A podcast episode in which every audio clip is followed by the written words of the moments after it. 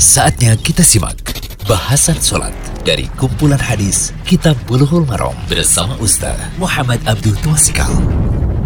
Alhamdulillah, wassalamu ala rasulillah wa ala alihi wa sahbihi wasallam. Kali ini kita berada di audio ke-36 dari Kitab Bulughul Maram, Kitab Sholat. Kita masuk pengantar syarat sah sholat. Nah, Imam Ibnu Hajar setelah menyampaikan tentang azan dan sebelumnya waktu sholat, kali ini beliau sampaikan tentang syarat-syarat sholat. Ya.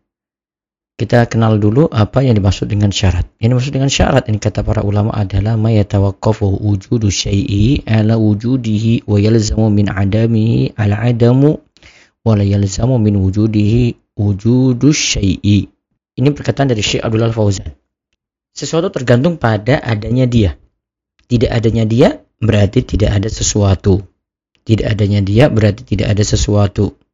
Namun jika ada dia, belum tentu sesuatu itu ada. Saya ulang ya, sesuatu tergantung pada adanya dia. Tidak adanya dia berarti tidak ada sesuatu. Namun jika ada dia, belum tentu sesuatu itu ada. Nah, ini seolah-olah kalimat ini agak sulit dipahami kecuali kita berikan contoh ya.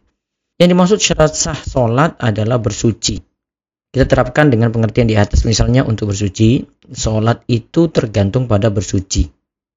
Tidak ada bersuci berarti tidak ada sholat. Namun jika bersuci itu ada belum tentu sholat itu ada. Karena masih ada syarat lainnya. Selain dari bersuci yang mesti dipenuhi seperti menutup aurat dan lainnya ya. Jadi kita terapkan dengan bersuci tadi. Jadi misalnya wudhu ya. Sholat itu tergantung pada wudhu tidak ada wudhu berarti tidak ada sholat. Namun jika berwudu, apa tentu sholat itu ada? Enggak juga.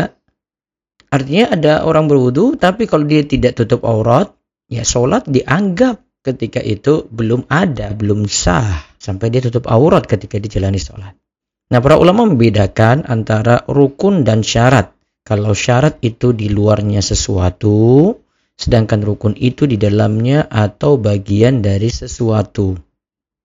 Jadi rukun itu di dalam kalau syarat itu di luar sesuatu.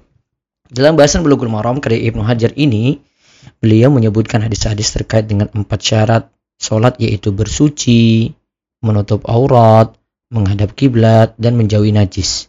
Ingat ya, bersuci, menutup aurat, menghadap kiblat dan menjauhi najis.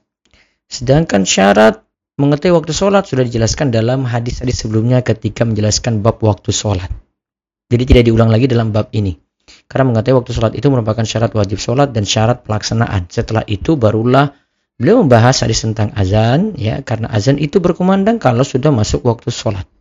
Ada juga bahasan tambahan dalam syarat sholat ini tentang berbicara dan banyak gerak.